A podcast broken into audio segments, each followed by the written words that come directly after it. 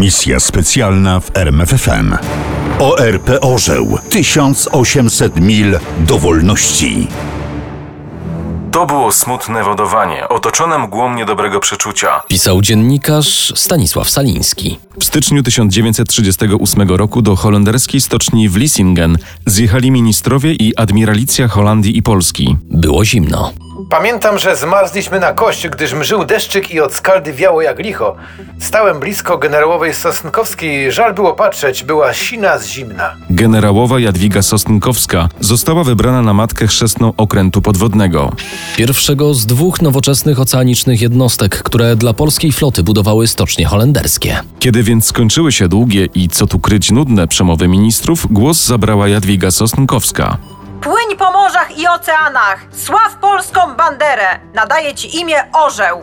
Lina przecięta małym, lekkim toporkiem pękła. Hamulce pochylni zostały zwolnione. Okręt powinien powoli zjechać w wodę. Tymczasem tkwił nadal na swoim miejscu. Jakiś Holender wykrzyczał niezrozumiałe dla Polaków polecenia, Ktoś klął zimę i zmrożoną mrzawkę. a zainteresowani niezwykłym zjawiskiem ministrowie i admirałowie zaczęli się tłoczyć przy barierce i ciekawie spoglądać w dół.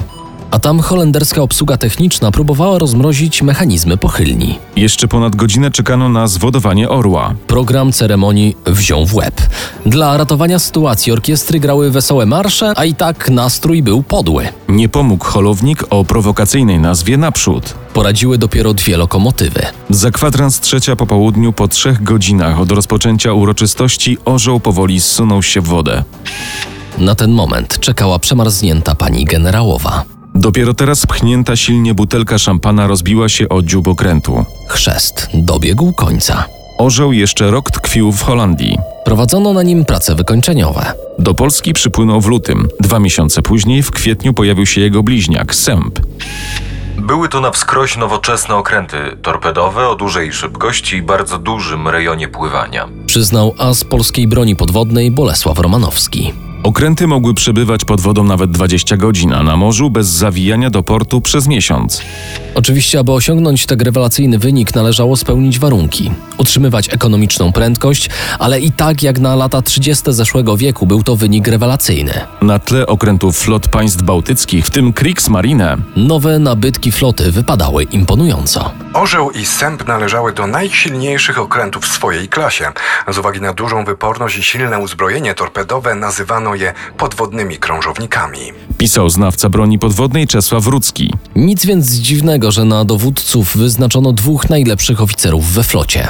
Na Sępa trafił komandor Władysław Salamon. Na orła komandor Henryk Kłoczkowski. O ile Kłoczkowski bezdyskusyjnie uważany był za najlepszego specjalistę wojny podwodnej w polskiej marynarce wojennej, o tyle jego zastępca, kapitan Jan Grudziński, miał na tym polu niewielkie doświadczenie. A jednak kaprys historii chciał, aby to właśnie o Grudzińskim kroniki pisały wielkimi literami. Wojna złapała orła na Oksywiu, w basenie portowym. Kapitan Grudziński spoglądał na znikający za falochronem okręt podwodny Wilk i milczał. Denerwowała go bierność wynikająca z nieobecności Kłoczkowskiego. Komandor zszedł z okrętu jeszcze poprzedniego dnia, 31 sierpnia i nie powiedział kiedy wróci. A nic nie zapowiadało, aby miał się szybko zjawić. Kłoczkowski przyszedł z markotną miną około 6.30, kiedy wszystkie cztery okręty podwodne, a więc Wilk, Żbik, Ryś i Sęp, dawno już wyszły w morze. Pierwsze dni wojny minęły załodze orła na monotonnej służbie w płytkich wodach Zatoki Gdańskiej. Okręt leżał na dnie wiele godzin dziennie, tylko kilka razy wynurzając się na głębokość peryskopową w celu zbadania sytuacji. A ta nie była najlepsza. Na morzu i w powietrzu panowali Niemcy.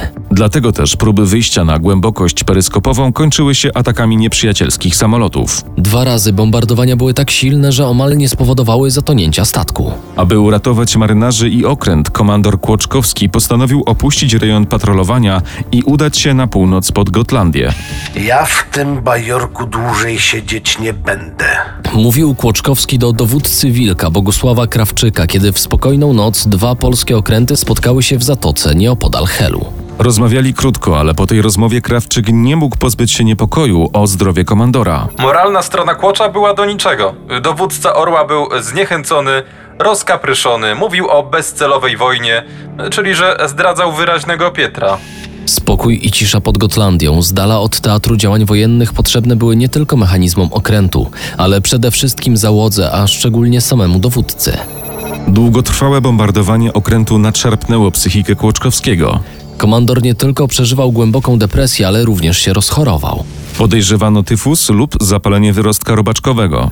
Położenie orła było beznadziejne. Ataki bombami głębinowymi sprzed paru dni poważnie uszkodziły okręt. Orzeł wymagał napraw w porcie, a chory dowódca, który z każdym dniem czuł się coraz gorzej, potrzebował natychmiastowej opieki lekarskiej. Kłoczkowski wezwał do siebie Grudzińskiego. Muszę zejść na ląd. Proszę obrać kurs na najbliższy port neutralny. Panie komandorze, najbliżej mamy do Talina. Dobrze. Proszę wydać odpowiednie rozkazy i zawiadomić mnie, kiedy będziemy zbliżać się do Estonii. Tak wyglądała uwertura wydarzeń, które wyniosły orła na pierwsze strony gazet całego świata. Do Talina orzeł wpłynął 14 września. Mili i przyjaźnie nastawieni do polskiej załogi Estończycy nie czynili żadnych problemów. Komandor Kłoczkowski znalazł miejsce w szpitalu. Zepsuta sprężarka została odesłana do warsztatu, a mechanicy zebrali się za naprawy usterek. Wszystko wydawało się być w jak najlepszym porządku. Tymczasem zaszły niespodziewane zmiany. W porcie talińskim przebywał bowiem niemiecki statek Thalassa, który miał wyjść w morze następnego dnia, 15 września. Prawo morskie nie pozwalało na wyjście w morze dwóch wrogich jednostek w odstępie mniejszym niż doba. W takiej sytuacji pobyt orła miał się przedłużyć z 24 do 48 godzin. Do 21.30 16 września. Niespodziewanie wieczorem tego samego dnia na pokład orła weszła grupa estońskich marynarzy z oficerem. Oficer poprosił o rozmowę z dowódcą. W chwilę potem na pokładzie pokazał się kapitan Grudziński. Chciałbym pana kapitana poinformować, że decyzją władz Estonii okręt zostaje internowany. Proszę pozwolić moim ludziom rozbroić okręt. Liczę na to, że zachowa pan zimną krew i podda się decyzji. Przecież to złamanie naszej umowy. Mamy prawo przebywać w tym porcie i z niego wyjść. Niestety nastąpiło nieporozumienie. Wedle paragrafów układu podpisanego przez nasz rząd w 1938 roku musimy internować każdy okręt państwa prowadzącego wojnę, jeżeli ten znajdzie się na wodach terytorialnych Estonii, Litwy bądź Łotwy. Jak się okazało, decyzja spowodowana była naciskiem Niemców. Następnego dnia estońscy marynarze przystąpili do rozbrajania okrętu. Wymontowano zamki z dział, wyładowano amunicję i część torped. Zabrano mapy nawigacyjne. Bezbronny i ślepy orzeł wydawał się już niegroźny. Niebawem Estończyków miała spotkać niemiła niespodzianka. Polacy zdecydowali się wiać Stalina. Pomysł tego niebezpiecznego przedsięwzięcia wyszedł od porucznika Andrzeja Piaseckiego. Piasecki był uważany za najlepszego oficera torpedowego w polskiej małej flocie podwodnej. Miał dużo większe doświadczenie w pływaniu na okrętach podwodnych niż kapitan Grudziński, przez co praktycznie to on przejął teraz dowodzenie. Termin wyznaczono na noc z 17 na 18 września 1939 roku. Traf chciał, że akurat tej nocy w całym porcie zgasło światło. Załoga Orła tym razem nie miała z tym nic wspólnego. A nawet oficerowie byli tym zajściem zdziwieni. A jednak krótka wymiana zdań Grudzińskiego z Piaseckim wystarczyłaby podjęto decyzję. Zaczynamy, Andrzej. Natychmiast. Może zdążymy uciec, zanim naprawią tę awarię. Nie zdążyli. Gdy już kapitan miał dać rozkaz do uruchomienia silników, na okręt wprosił się estoński oficer. Ponad półtorej godziny szwendał się po okręcie i rozmawiał, w zasadzie monologował z porucznikiem Piaseckim. Wreszcie, żegnany serdecznie, odszedł. Niezapowiedziana wizyta jednak tylko opóźniła rozpoczęcie ucieczki. Była druga godzina po północy, gdy unieszkodliwiono pilnujących okręt trzech estońskich marynarzy. To wtedy kapitan Grudziński wydał rozkaz. Oba motory naprzód! Powoli orzeł zerwał nadpiłowane wcześniej cumy i niczym ślamazarny wieloryb pchał się naprzód ku wyjściu z portu, obchodząc mieliznę. Lecz długi kadłub okrętu nie zmieścił się w wyznaczonym torze. Orzeł zawadził o falochron i utknął. W porcie rozbłysły reflektory, a o burtę okrętu odbiły się kule broni maszynowej. Kiedy wydawało się, że to koniec, spokój kapitana Grodzińskiego rozładował napięcie. Oba motory! Cała wstecz! Silniki dymiły oplatając okręt szaroniebieską mgiełką i wyły mieszając się z rykiem syren portowych. Orzeł trząsł się i wibrował, ale nadal tkwił na feralnych skałach, aż wreszcie ruszył. Szurając po skałach, orzeł zsunął się na głębszą wodę, a potem wpłynął do kanału portowego. Tam przywitały go wybuchy pocisków estońskiej artylerii. Nie wyrządziły mu żadnej szkody. Nieuszkodzony okręt opuścił port. Na wodach Zatoki Fińskiej orzeł położył się na dnie i czekał. Kapitan Grudziński obawiał się pościgu, który rzeczywiście ruszył. Po drugie, okręt miał rozładowane akumulatory. Nie mógł więc płynąć pod wodą, a kurs na powierzchni wydawał się zbyt dużym ryzykiem. Dopiero po zmroku, kiedy ucichł huk śrub estońskich okrętów, kapitan dał rozkaz wynurzenia jednostki. Orzeł był wolny, ale Znajdował się na morzu opanowanym przez Kriegsmarine. Gdynia i Hel były ostrzeliwane przez wroga i wpłynięcie w pobliże tamtejszych baz groziło zatopieniem.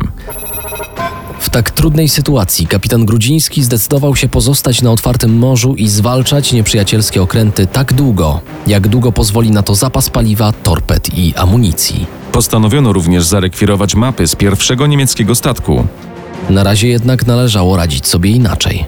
Los zdarzył, że znaleziono przeoczoną podczas estońskich rewizji książkę ze spisem i dokładnym położeniem geograficznym latarni morskich. Na podstawie tych danych oficer nawigacyjny Marian Mokrski narysował mapę Bałtyku. Mapa składała się z porozrzucanych w różnych miejscach krzyżyków oznaczających poszczególne latarnie. To pozwoliło jako tako zorientować się w linii brzegowej. Lecz nieścisłość mapy, która mimo swoich wad była doskonałym dziełem kartografii, mogła zaważyć na losie okrętu. Raz bowiem okręt wpadł na skały. Drugi raz podczas atakowania niemieckiego statku orzeł osiadł na mieliźnie. Zanim z niej zszedł, na niebie pojawiły się niemieckie samoloty. Szczęście jednak nie opuściło marynarzy. Okręt zdążył uciec przed atakiem. Na pamiątkę tego wydarzenia miejsce spotkania z nieprzyjacielem oznaczono na mapie nazwą Ławica Strachu. Kończył się pierwszy tydzień października. Od ponad dwóch tygodni orzeł błąkał się po płytkich i zdradliwych wodach Morza Bałtyckiego. Kończyła się słodka woda i kończyło się paliwo. Każdego dnia mechanicy zgłaszali nowe awarie. Panowie, Mówił do oficerów kapitan Grudziński. na Bałtyku zrobiło się niebezpiecznie. Co robimy? Pytanie zawisło w dusznym powietrzu mesy oficerskiej. Słychać było ciche tykanie zegara. Wreszcie odezwał się Piasecki. Myślę, że mamy tylko jedną drogę. Na zachód. Przez sud do Anglii. Nie mamy map, kompasu i ksiąg nawigacyjnych. Sund jest wąski i płytki.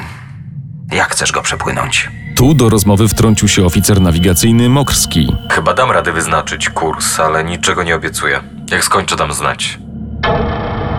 Mokrski tym razem skupił się tylko na pasie wód pomiędzy Danią a Szwecją. Powoli i starannie przygotowywał dwie mapy. Na pierwszej zaznaczył dokładne położenie wszystkich wymienionych w niemieckim spisie latarni i pław świetlnych. Na drugiej zaznaczył tylko punkty zmiany kursów. Cały dzień 7 października orzeł przeleżał na dnie morza u wybrzeży Skanii. Po zachodzie słońca wynurzył się i ruszył na zachód. Nie dopłynęli daleko. Wzmożony ruch patroli niemieckich i szwedzkich jednostek zmusił Grudzińskiego do ostrożności. Kiedy jednak przeleciał przez orła mocny promień reflektora, okręt opadł na dno i znów trwał w zanurzeniu przez cały dzień. Dopiero następnej nocy z 8 na 9 października orzeł znów się wynurzył i płynąc na powierzchni minął przylądek Falsterbo. O godzinie 22.20 okręt dotarł na wysokość latarni Drager Fort, wznoszącej się na wschodnim wybrzeżu wyspy Amager. Z ekonomiczną prędkością, tak aby nie narobić hałasu i nadążać z manewrami, ORP Orzeł wsunął się w cień wyspy między dwa rzędy boi. Z prawej, od strony morza, tam gdzie daleko w mroku chowała się Szwecja, pobłyskiwały reflektory, czy to szwedzkich, czy to znów niemieckich okrętów. Niespodziewanie ciemność nocy rozjaśnił mocny błysk reflektora. Długa smuga jasnego światła ślizgała się za rufą okrętu. Marynarze stali zrezygnowani, patrząc jak z sekundy na sekundę promień zbliża się do rufy. Już musnął chmurę spalin. Już Zatrzymał się. Minutę nie ruszał się ni w jedną, ni w drugą stronę. A wreszcie powoli zaczął się oddalać. Szczęście? A może to przyczepiona na rufie szwedzka bandera zmyliła obsługę reflektora? Aby wprowadzić w błąd napotkane na szlaku jednostki nieprzyjaciela, zamiast polskiej zawieszono szwedzką banderę, którą odgrywało pomalowane na niebiesko prześcieradło z żółtym krzyżem.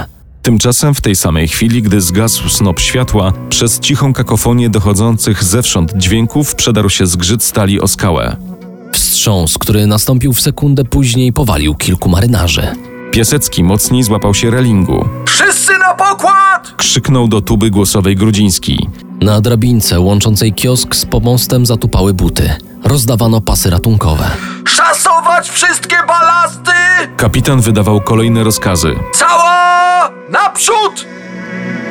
ORP orzeł dygotał, stępka ryła twardy kamień, diesle dymiły i dudniły. Załogi na niemieckich torpedowcach musiały słyszeć ten piekielny harmider. A jednak żadna z tych małych jednostek nie zawróciła w głąb cieśniny. Nie zapaliły się reflektory, nie zawył alarm. Kilkoma skokami orzeł przedarł się przez skały. Po lewej niedaleko błyskały światła Kopenhagi. Miasto tętniło zwyczajnym, pokojowym rytmem. Tu wojna jeszcze nie dotarła. Wokół w sąsiedztwie portu mimo nocy kręciło się wiele statków i okrętów, jak ocenił kapitan, zbyt wiele. Dlatego Grudziński postanowił położyć się na dnie i przeczekać. Oficerowie przewidywali najgorsze. Goniące po cieśninie jednostki nasunęły im przypuszczenie, że już zostali odkryci.